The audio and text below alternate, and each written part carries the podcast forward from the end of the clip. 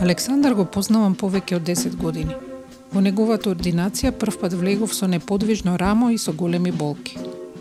Треба да се работи, рече тогаш, цртајки ми вежби со онакви човечиња од цртички, кои дури и такви најпрости делуваа насмеано и ентузијастично што креват текчиња или тегнат лента. Јас сич не бев, ама со време морав да станам.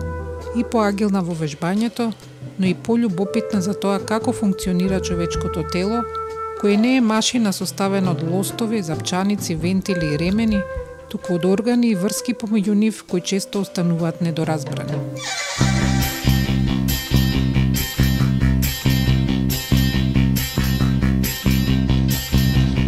Јас сум Илина Јакимовска. Во оваа епизода од подкастот Обични луѓе ќе зборуваме за еден фасцинантен, а крајно подценет орган – фасцијата, од чија состојба зависи нашето физичко, но и нашето емоционално здравје. Кога ќе ме прашаат пациентите или некој што е фасција, јас прво им кажувам дека тоа е она кога јадеме сувоместнати производи врат, тоа е тоа белото околу мускулите на вратот, околу парчето кој што го гледаме пред нас. Тоа белото, тоа не е масно ткиво. Масното ткиво е поинакво на, на форма, како, како салце. Тоа се, а фастијата се некакви шилички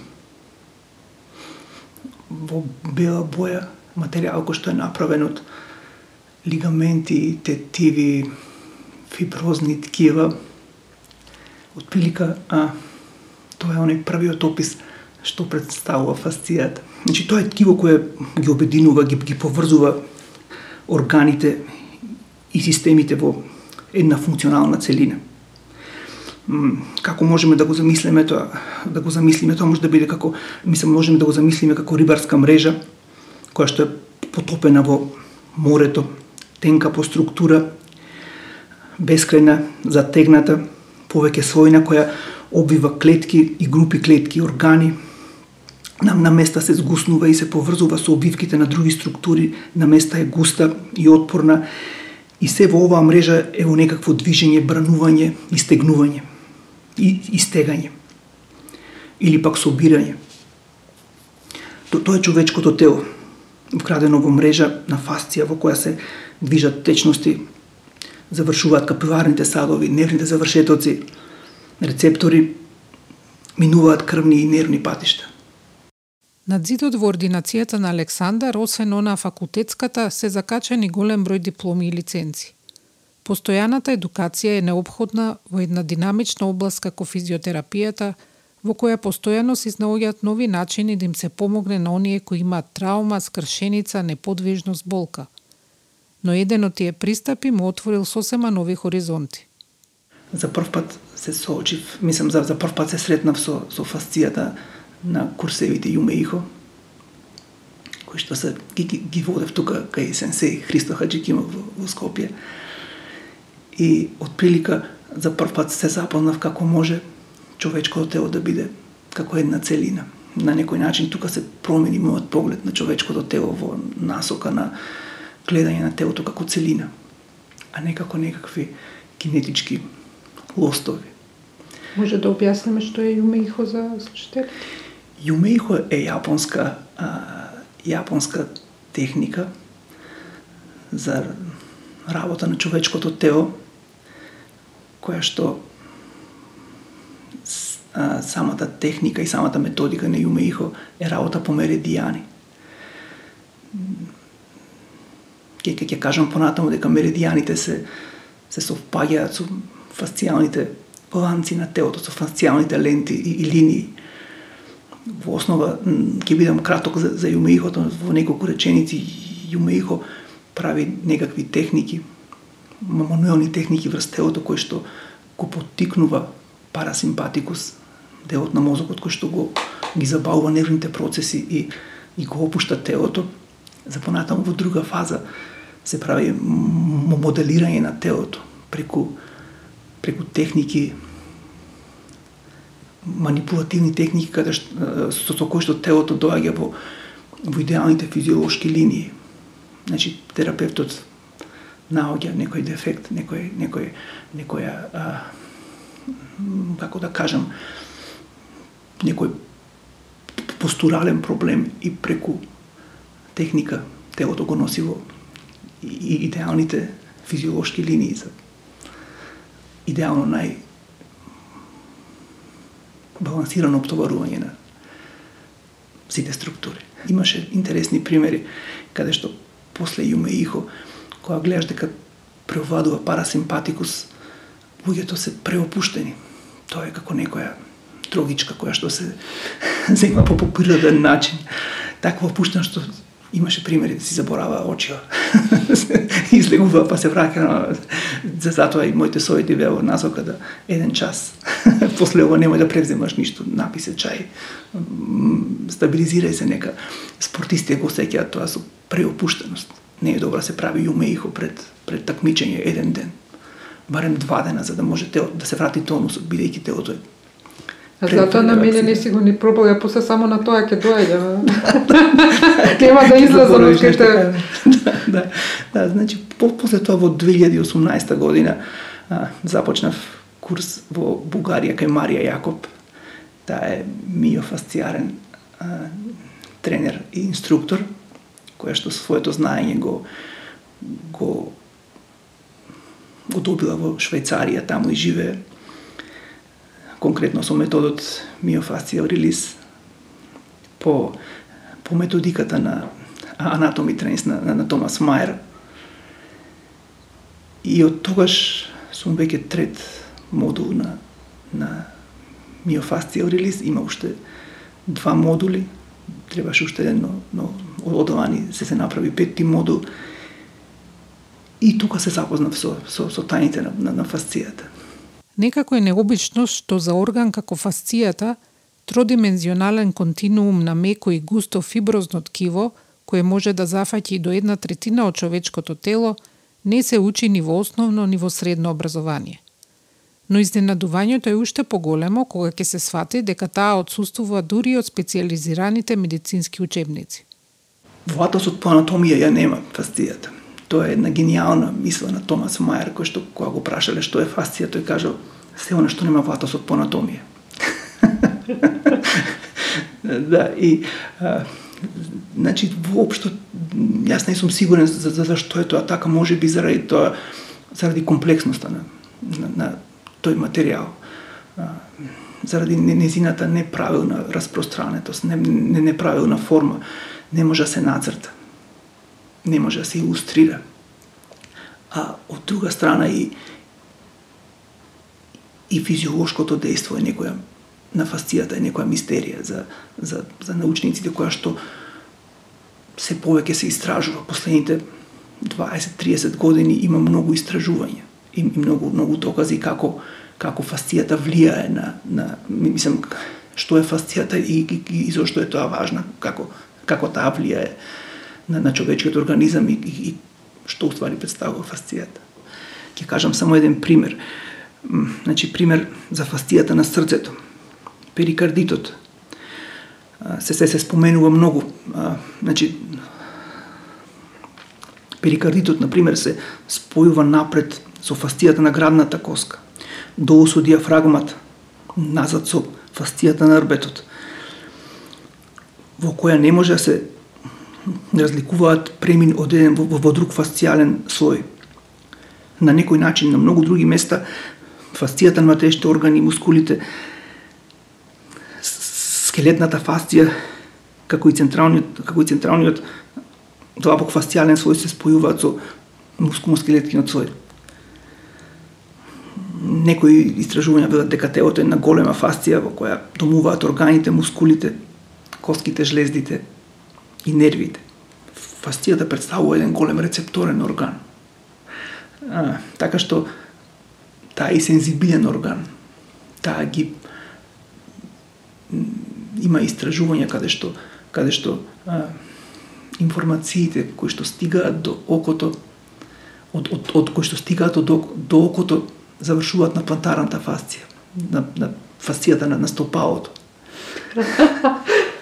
да. А, Фасцијата на стопалото реагира на нешто што ти го видело окото. Апсолутно, секој, секој... Например, змија, ако видам и ми се грчи стопалото во таа смисла. Да, знаеш, оние термини ми се наежи кожата, ми се дигна косата, ми се здрвија нозете. тоа се тоа се а, термини кои што кажуваат како како фасцијата преку сензорните органи влијае на нашиот организам. Како емоциите влијаат на нашиот организам.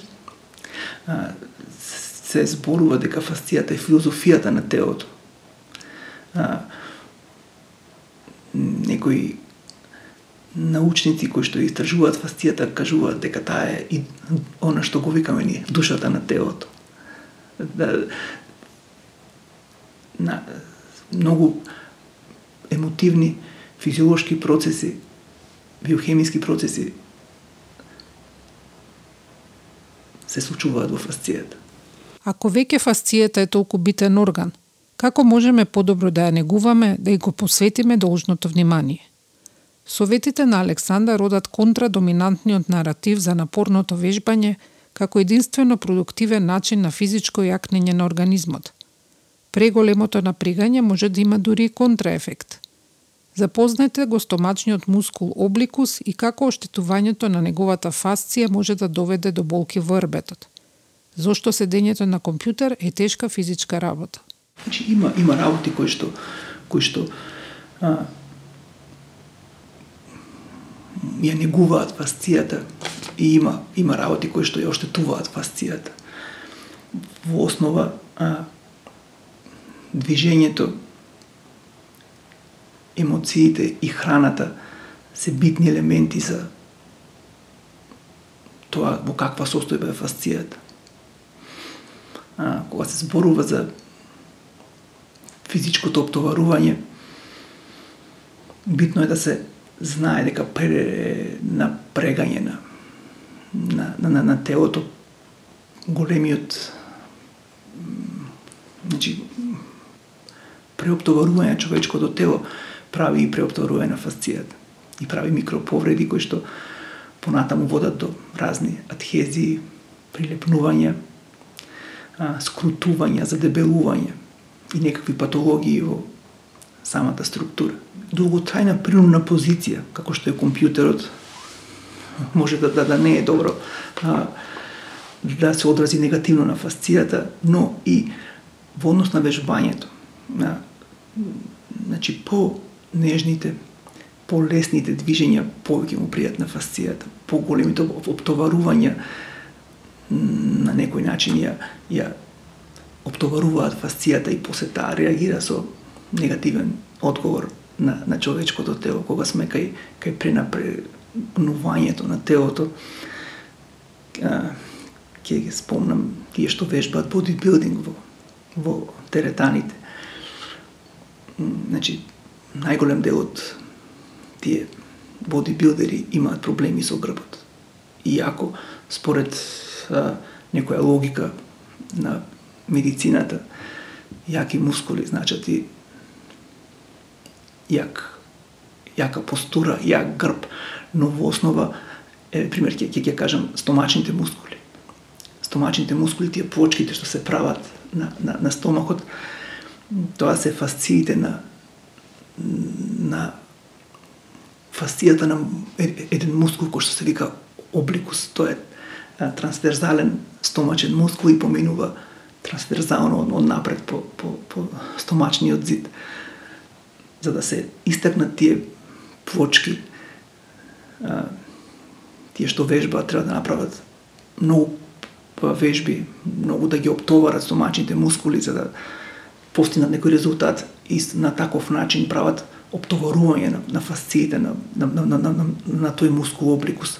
А фасциите на тој мускул се од задната страна поврзани со торакоумбалната фасција. Тоа е фасцијата на умбалниот трбет и автоматски тука се прави некое напрегање кое што понатаму дава некакви сигнали до мозокот на неправилни сигнали и за, за мозокот тоа е некој неправилен процес на крајот завршува со, со болка.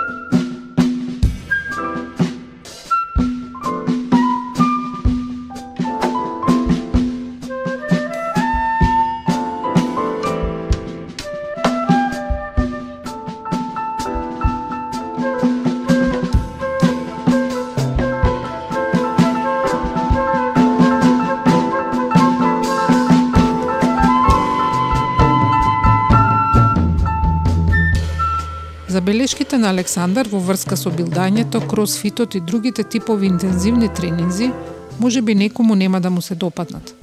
Но затоа пак нам, на лежерните вежбачи, неговите ставови ни доаѓаат како одлична утеха. Но не само вежбањето, битно е и психолошкото здравје, вели тој. Знаеш, многу е важно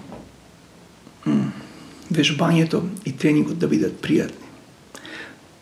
Се повеќе и концептот на, на, на тренинг, дури на професионалците, не е, не е напорно вежбање до исцрпеност кое што понатаму прави контраефекти. Тренингот треба да биде лесен, да биде пријатен и тоа колку кажуваат и големите стручњаци кои што занимаваат во таа област. И, и во основа за добро изфајано тело не се важни само вежбите, важна е и храната, доволно течности, па на крајот, ако фастијата е некој толку а, орган кој што интегрира се и спојува емоции, а, физиологија и, и, и тело, тврди структури, многу е битна и мислата, битна и битни се емоциите. Ако сме поминале половина живот без многу-многу да размислуваме за своето здравје, во лошо тржење со неправилна исхрана и погрешно вежбање, дали тоа значи дека фасцијата е непоправливо оштетена? Што може физиотерапијата да направи во оваа смисла? Фасцијата е динамична и трпи промени и, како што кажав, во таа теорија со фибропластите, таа има можност да се обновува. Само треба правилно да се насочи она што рековме, здрава храна, умерени движења и нежни движења, доволно количество вода, добри емоции, доволно сон. Во, во физиотерапијата и решавањето на болките на, на човечкото тело, склобови и рбет, фастијата е важна заради тоа што а, значи, е, е важна заради тоа што а, неравномерното обтоварување води до некаква тензија, која што завршува врз некој зглоб, врз некоја структура, се карактеризира со адхезии, тоа се слепнување на фасциите, задебелување, скрутување и појава на болка.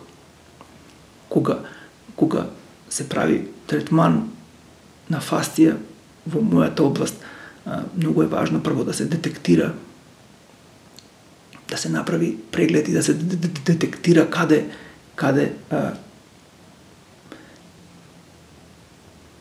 има некаква тензија и, и да да се најде каде таа тензија прави некаков проблем. Што не значи дека тензијата е на местото на болката. Апсолутно не. А, многу често многу често а, тензијата знае да биде на, на другиот крај на, на, на, на, на, на телото. Еве, на пример, некој ожилјак, дури мал ожилјак може да направи проблем на многу подалеку на друга страна на телото. Мислиш од повреда или од хируршки зафат? Од хируршки зафат понекогаш може да биде некој поголем ожилјак кој што узна која што е од хирушки зафат, но телото да најде компензација и да да да да тоа не влијае на, на, на, на тензијата, но некојаш може и мал, мал ожилјак да направи.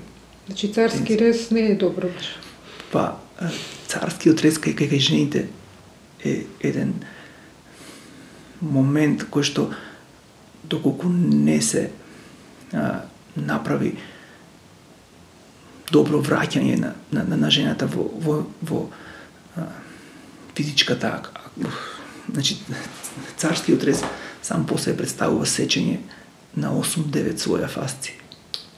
А се шие само една. Потоа сите други се зафаќаат која као ќе стигне.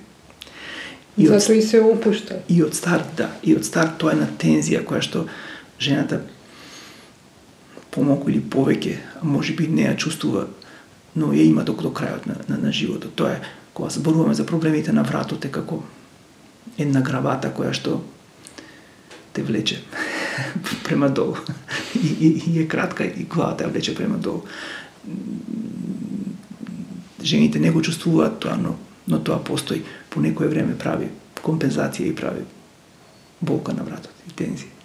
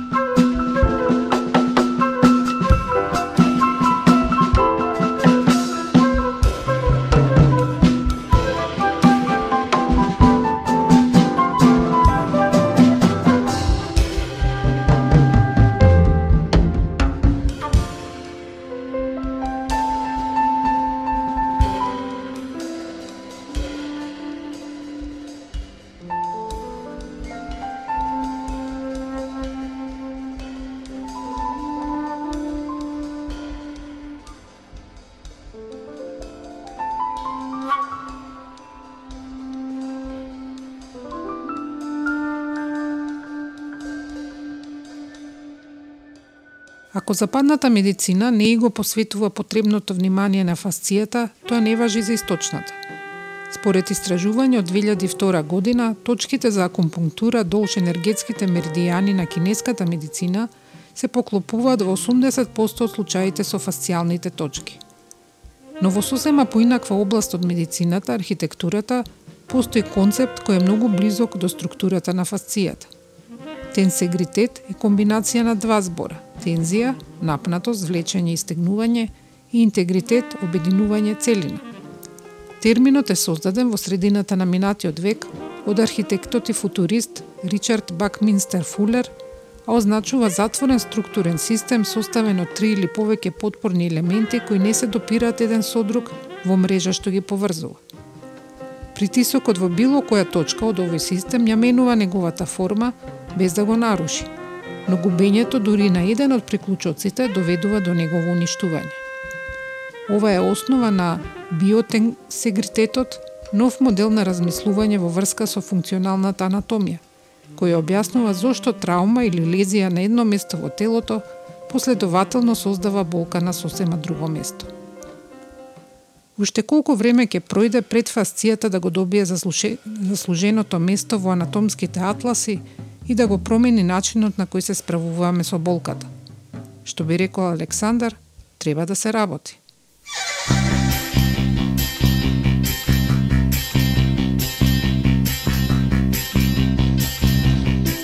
Јас сум Илина Јакимовска, аудиомонтажа Бојан Угриновски. За фотографии и целосен транскрипт посетете ја нашата страница обичнилуѓе.мк. Ако епизодава сте ја слушале на компјутер, веднаш станете и направете неколку истегнувања. Фасцијата ќе ви биде благодарна.